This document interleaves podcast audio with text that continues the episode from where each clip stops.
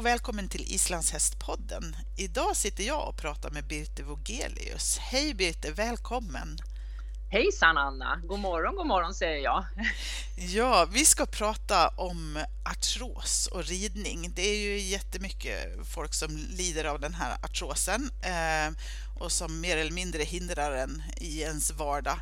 Eh, men vi vill gärna veta mer om vad, vad är artros och kan man göra någonting åt det själv och vad finns det för hjälpmedel och så.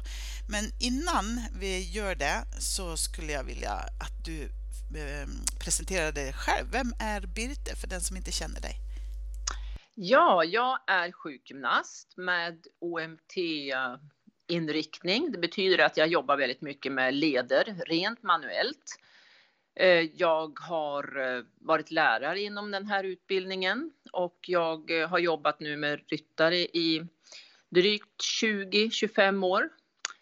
Jag har två hästar själv och ehm, ja, och det har ju kunnat liksom utveckla mig både som att jag förstår vad folk pratar om när de säger att de har svårt för någonting. Mm. Jag anser att man måste nästan rida själv mm. ganska mycket för att förstå ryttare när de kommer och har problem. Och eh, jag har väl gjort någonstans kring eh, 800 ryttaranalyser där jag tittar på ryttarna, hur de rör sig, hur deras leder mm, fungerar. Och eh, det har varit spännande att man har fått se ryttare över tid, hur de utvecklas och vad som sker med deras problem och vad som sker med deras hästar. Eh, Ja, och så åker jag runt på föreläsningar, har gjort det, ungefär 5 till 10 föreläsningar per, ja, per år. Mm. Precis, och eh, det här med ryttaranalys har vi ju ett eh, program sedan tidigare också som eh, här på Islandshästpodden som man kan lyssna till som är väldigt intressant tycker jag och väldigt givande. Men du, om vi går över på det här med artros då, vad är det egentligen? Ja, artros det är ju egentligen en Alltså det är ju en process som en led kommer in i när den blir skadad eller överbelastad. Eh, när den blir stukad. Man, så att det är liksom en process och sen så går den där processen vidare och vidare och så blir det speciella förändringar i själva leden som man kan se på röntgen. Men utvecklingen kan ju starta ja, tio år tidigare till exempel med att man faller av och stukar sitt knä, man får en liten meniskskada, en liten ledbandsskada. Och då kommer ledkapseln att producera en sämre ledvätska till leden. Och den här ledvätskan som ska vara smörjande och väldigt god för brosket, den ledvätskan blir av en mycket dålig kvalitet och då får leden sämre smörjning och ledbrosket mår sämre och det blir tunnare och tunnare. Och så förändras även benet under ledbrosket. Det blir tätare och i sluttampen så får vi de här typiska artrosförändringarna, att vi får benpålagringar runt leden. Runt själva eh, benkanterna. Och då har det gått ganska långt. Men innan vi kommer dit, då, då har leden minskat sin fina glidningsförmåga. Det är ungefär som en dörr, att man, dörren knarrar i gångjärnen när eh, artrosutvecklingen börjar. Och sen i sluttampen, då, då går det liksom knappt att stänga den här dörren. Mm. Så att eh, det, man kan säga att det här är en process. Och, och, i den här processen kan vi som sjukgymnaster gripa in och faktiskt göra någonting rent manuellt åt den här leden. Mm. Du pratar om en dörr som knarrar. Jag är ju själv, själv tyvärr drabbad av artros i mina knän. Och jag tänker ofta på när jag gör mina benböj att det smattrar i knäna. Är det, är det artrosen som det knastrar och smattrar av i knäna eller är det något annat? Hör det ihop? Eh, Ja, om vi säger det finns olika, man, det här knastret det kallar man krepitationer och det här knastret kan dels vara av att det finns ojämnheter, små eh, broskbitar i knät när det är som värst. Men det kan också bara vara att leden inte rör sig synkront och det kan också skapa det här knaket. Eh, och det kan vara bindvävsstråk som stramar runt leden och skapar ett knäppande ljud. Så det kan vara väldigt ofarligt men det kan också vara eh, rejäla små strukturer i leden. Och det här är ju inte bra för leden. Nej, då, om man har små fria strukturer i leden. Mm. Jag tänker på alltså, vem som drabbas och hur. Du pratar om att man kan, man kan skada sig så att säga. Utifrån en olycka så kan man få artros. Eh, är det så? Eller hur, hur, hur får ja. man artros? Om, om vi tittar på olika eh, orsaker till artros så kan det ju vara eh, dels att man faller av en häst och man får en stukning av ledbanden eller en skada i meniskerna och eh, det skapar en instabilitet i knät som gör att brosket blir väldigt påverkat. Det kan också vara väldigt mycket kyla, vibration, kalla golv. Det är också en bidragande anledning till artros. Eh, och sen eh, arvet, att vi har liksom en biologisk klocka som följer våra föräldrar. Så finns det artros i, i släkten så brukar det också eh, ja, man, man, har olika svaga delar i sin kropp och en del har en artroshistoria tidigare och då får man ofta artros också. Kan det höra ihop med klimakteriet någonting? Alltså vi, vi får ju ett sämre immunförsvar. Vi blir ju svagare under en period i klimakteriet och det gör att vi ofta känner av de här svaga lederna eller de här svaga punkterna som vi har i våran kropp. Mm. Och då kommer ju ofta tummatros, knäartros, höftartros, eh, hallux valgus, alla de här Vad är hallux valgus?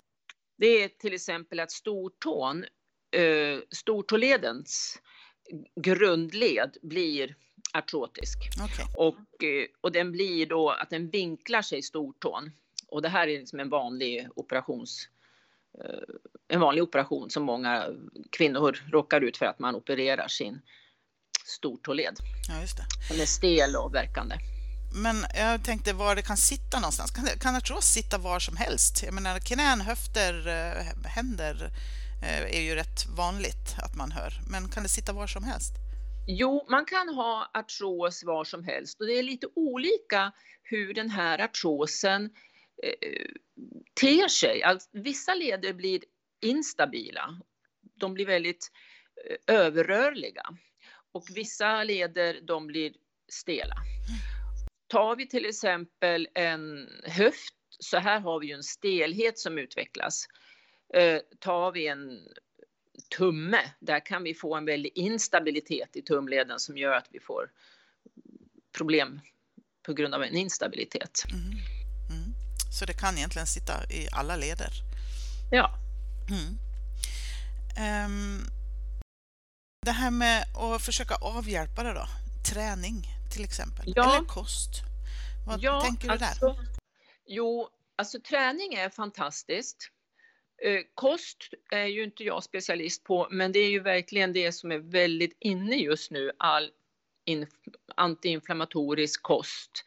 Eh, att man ska skippa gluten och laktos. Och jag tror att här finns det mycket, mycket att hämta. Det handlar bara om forskning som ska eh, få komma till här, att man satsar på den här typen av forskning. Mm. Än så länge så är det ju liksom läkemedel som har fått mycket forskningsanslag när man testar ett läkemedel det är inte så intressant att kanske testa kost Nej. om läkemedelsbolag. Nej, precis. Eh, men sen skulle vill jag slå ett slag för sjukgymnaster med OMT-utbildning.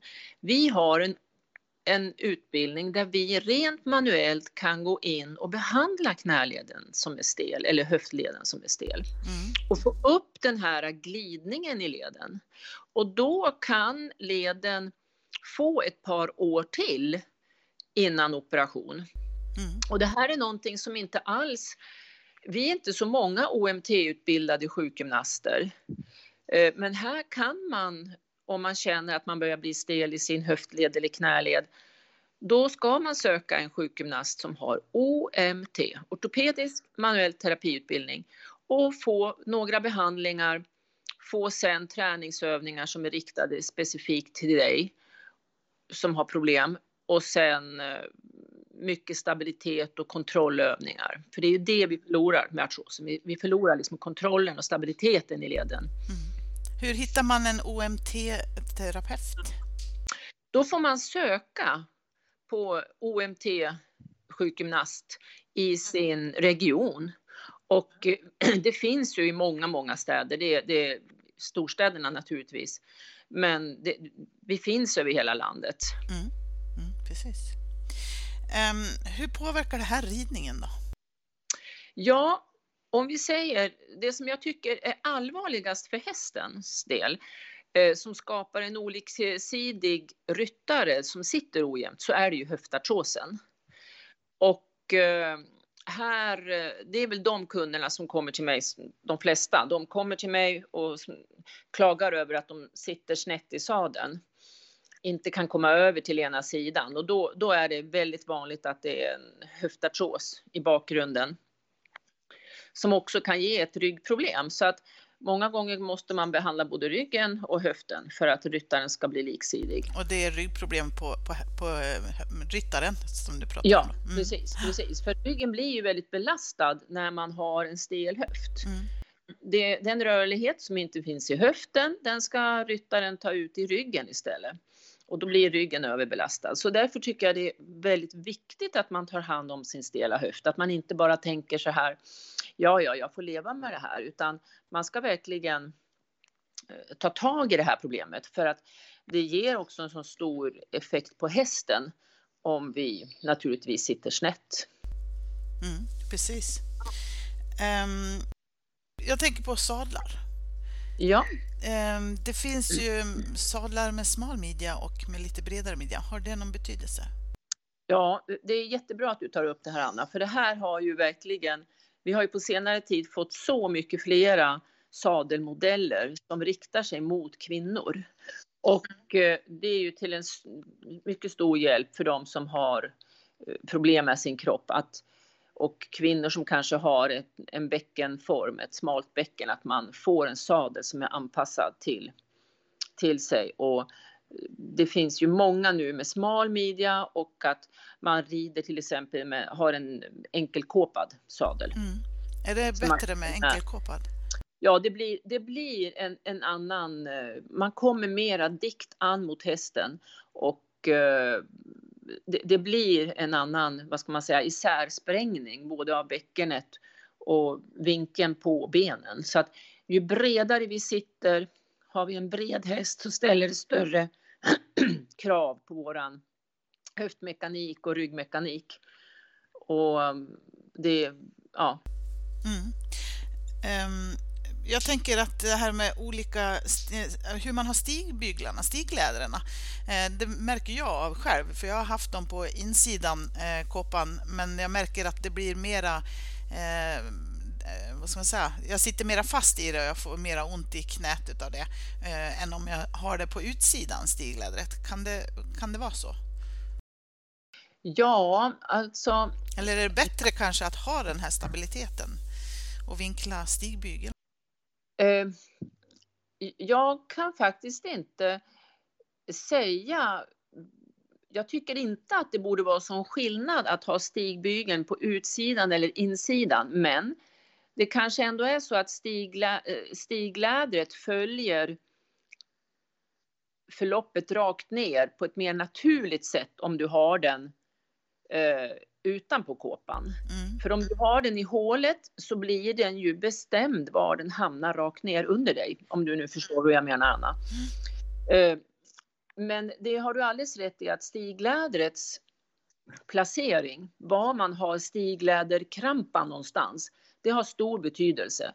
Och eh, nu har ju många sadlar börjat ta hänsyn till det här. Eh, att man skjuter stigläderkrampan lite längre bak.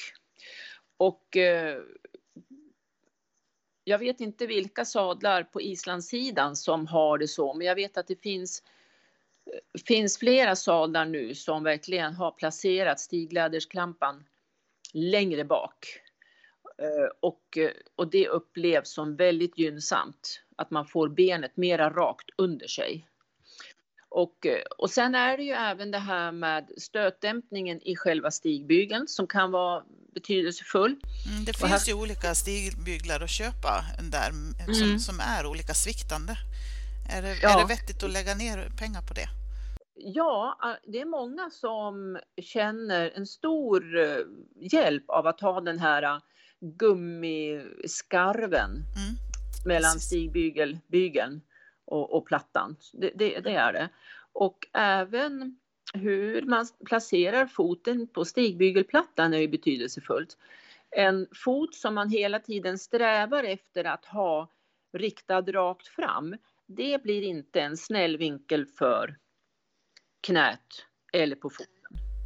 Eh, foten får eh, den här eh, Eh, yttre knä eh, förlåt mig, yttre fotknölen. Här kan man få en sena som luxerar över fotknölen när man hela tiden försöker rikta sina fötter rakt fram. Så att det är väldigt betydelsefullt att foten och knät måste få ha sitt naturliga förlopp rakt ner. Att foten är lite vinklad utåt brukar vara absolut det mest gynnsamma, mest fysiologiska.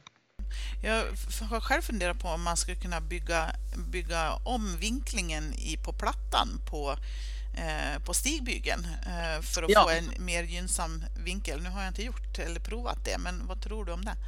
Jo, det tror jag också mycket på. Eh, för att det som jag eh, i, min, i mitt arbete så har jag ju, mm, trycker jag ju väldigt mycket på att man ska ha trycket över stortåledens grundled.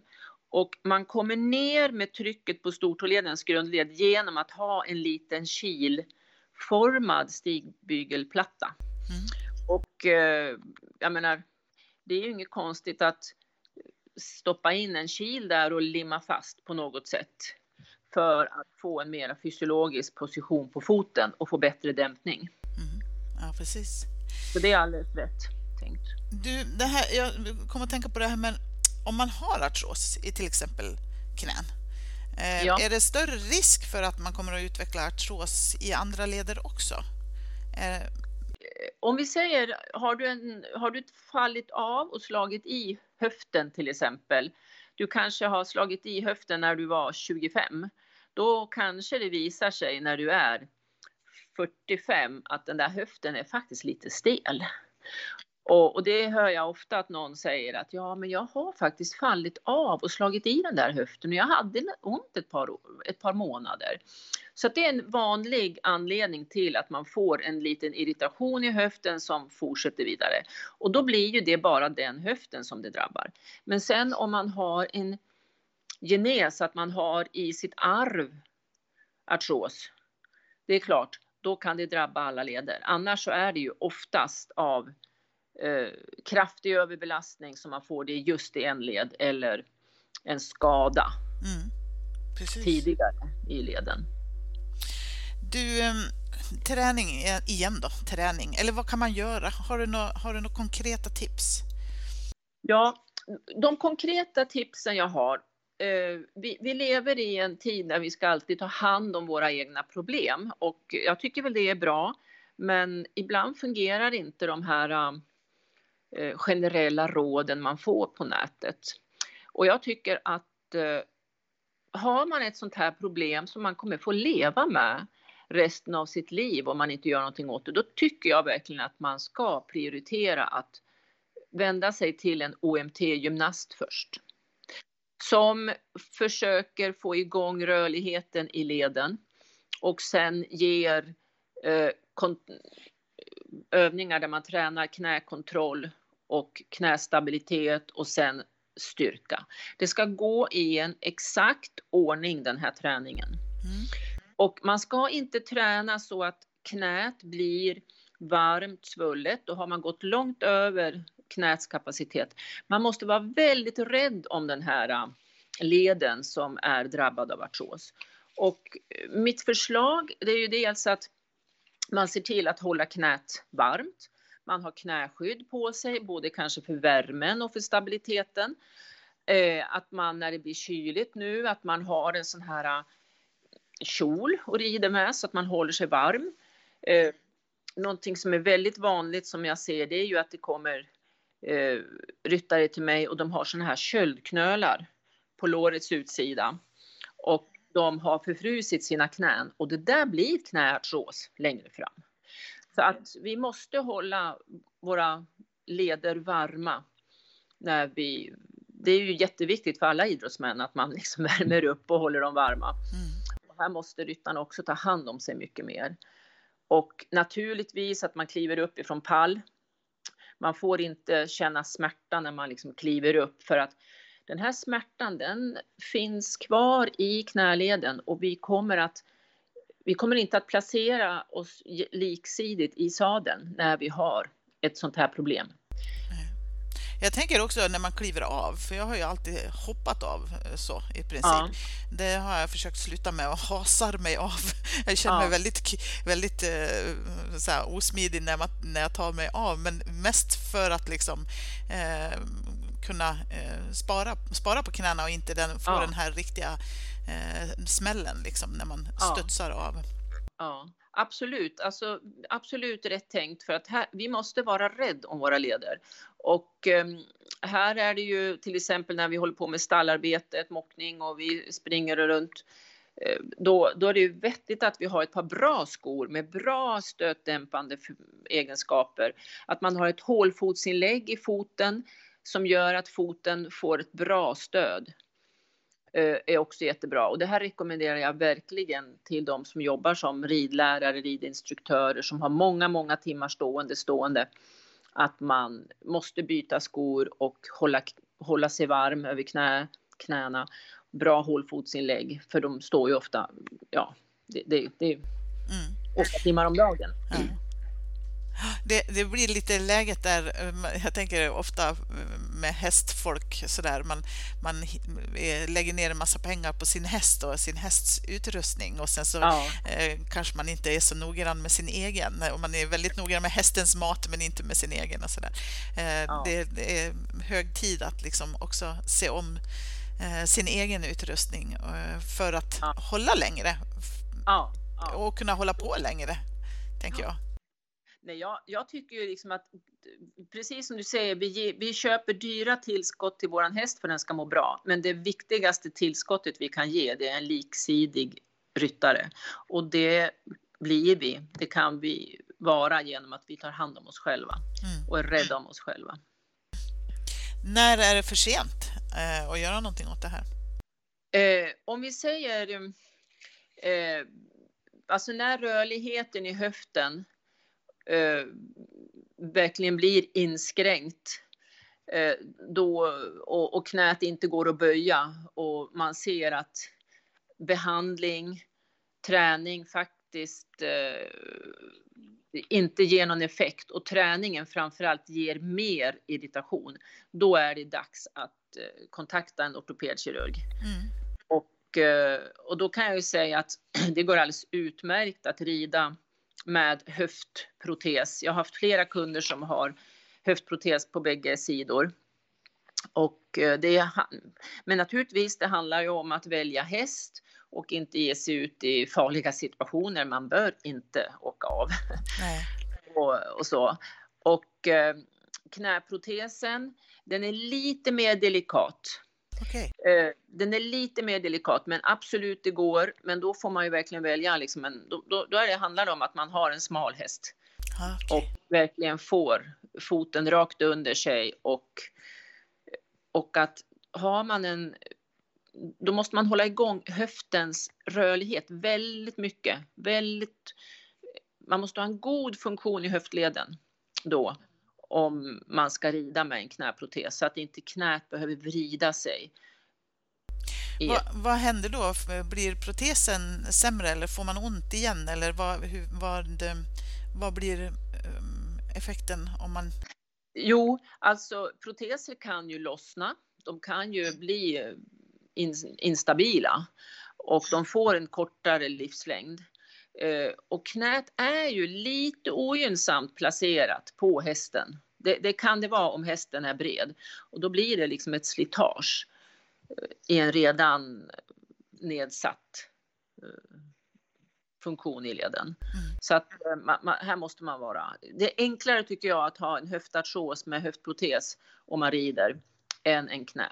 Okej. Okay. Mm. Ja. Du, ehm, ska vi säga någonting om, om eh, för de som har artros i händerna? Det finns vad jag förstår tyglar eh, som man kan ta hjälp av Eh, som, är, som har som en ögla. Ja. ja, och det där är ju ofta sånt som handikappryttare eh, tar hjälp av. Och eh, så absolut, problemet är ju bara att man blir inte så dynamisk med sin hand. Man, man måste nästan ha flera öglor på, på sin tygel. Mm. Men eh, absolut, det, det är, eh, det, det, är många som har varit med om ett trauma mot axeln och som under en rehabiliteringstid kanske är tvungna att rida ändå och är tvungna att ha en sån här ögla. Eh, och det, det, det är bra. Här får man vara uppfinningsrik helt enkelt. Ta fram hålslagaren och sätta fram lite, ta fram lite mm, såna här uh, nyckelringar och sätta fast och bara haka fast ett handtag ja. som man kan hålla. Precis. Sen finns det en sak som jag märker när jag jobbar kliniskt med ryttare och det är ju att många har ju åkt av och fått en antingen att de vet om att de har haft en nyckelbensfraktur. Det är en väldigt vanlig fraktur. Och eh, ofta får ryttare en bröstskada mellan nyckelbenets led mot bröstbenet här på framsidan. Okej. Okay. Mm. Jag pekar här. Ja, precis. Ja, och, eh, och den här eh, stelheten som utvecklas här gör att man får en sämre placerad axel Axeln blir inte stabilt placerad mot bröstkorgsväggen när man är stel här framme. Mm, och då pekar du lite, lite nedanför halsen, lite snett ja, nedanför. Precis. Ja. Mot, mot bröstbenet där. Mm. Ja, och då när man får en sämre placerad axel så får man sämre tygeltag, sämre förhållningar på den sidan och man hamnar faktiskt snett i sadeln för man får en sån oliksidig eh, oliksidiga tygeltag på höger respektive mm. vänster sida. Så den här leden, man måste hålla koll på sina axlar och se till att de inte liksom åker fram. Märker man att ena axeln har åkt fram lite grann så kan det bero på att den här leden är lite artrotisk. Mm. Man blir väldigt kort i bröstmuskulaturen och svag på baksidan och det där är också någonting att tänka på. Och ja, det är mycket vi ska tänka på. Ja, det är mycket. Ja. Jag känner att jag har en hel del träning att göra. Det, eh, men jag brukar, tänka, brukar säga så här att om man investerar fyra minuter varenda dag åt sig själv, då, då har man gjort en mycket god investering och det är mycket enklare än vad man tror att hålla sig liksidig och liksom jobba med den problematiken. Det är mycket enklare än vad man tror. Man ska ju liksom bara veta vad man ska göra. Jag tänkte säga det, vad ska man göra med de fyra minuterna då tycker du? Man ska töja höftböjarna. Mm. Man ska ha en rakriktningsrulle där man jobbar med rakriktning av sin rygg och man ska töja bröstmuskler och de här nyckelbensleder. Då har man kommit väldigt, väldigt långt. Mm. Vad bra! Tusen tack! Vad bra tips, Birte. Jo, jag skulle vilja berätta lite om forskning. Det finns ju forskning som säger att ridning inte är speciellt bra. Det finns forskning som säger att man blir snedare och snedare av ridning. Ju flera år man har ridit och ju högre klasser man rider så blir man, kroppen blir inte mer hälsosam av det. Och den här forskningen har, den togs upp eh, för ett par år sedan och det här var ju inte bra för våran eh, synen på ryttare. Eh, om vi var idrottsmän eller inte. Och, men den här forskningen, det var en helt felaktig forskningsdesign för man tittade inte heller på en normalbefolkning. Vad är det som sker med en normalbefolkning som blir äldre? De blir också skevare och snedare. Ja, och eh, ju flera år vi har ridit, ju sannolikt är ju att vi är äldre då. Ju högre klasser vi har ridit, ju äldre är vi. Så att det var en felaktig forskningsdesign som visade någonting som inte var till gagn för ridsporten. Och jag skulle vilja säga att jag blir så förundrad när jag har kvinnor och män i åldern 70-75 som kommer till mig och de är spänstiga, de är rörliga, de har god kondition och jag blir så imponerad över dem att de är i så god form och de har ridit hela sitt liv. Och de, så jämför jag dem med en normal befolkning så tycker jag att de är i riktigt god form jämfört med en normal person i den åldern som inte sysslar med ridning. Ja, just det. Så jag vill verkligen slå ett slag för att det här är en sån bra idrott, en sån bra, en sån bra hobby där vi umgås över generationer och vi eh, har härliga naturupplevelser tillsammans med, med vår häst och med andra i andra åldrar. Så att det här är en fantastisk idrott och hobby. Mm. Och som du säger också, man håller sig ju aktiv i, i, inte bara i själva ridningen utan i mockning och hö, höhantering och ja, utfodring och, och, allt vad det nu är för någonting. Det är ju liksom eh, ja. det är ju många timmar som man håller på eh, i stallet, eh, även om man kanske inte rider så många timmar ja. så att säga. Så att det, är ju, det är ju helheten där som... Nej, det, det, är, det är en fantastisk hobby. Ja, absolut. Det skriver jag under på. Ja. Stort tack för att du har tagit dig tid att berätta om det här. Det har varit jätteroligt. Det här ligger mig så varmt om hjärtat och det är roligt att ja, man jobbar med det här varenda dag och att eh, det finns mer och mer intresse kring det här och det är jätteroligt för mig. Ja, tack.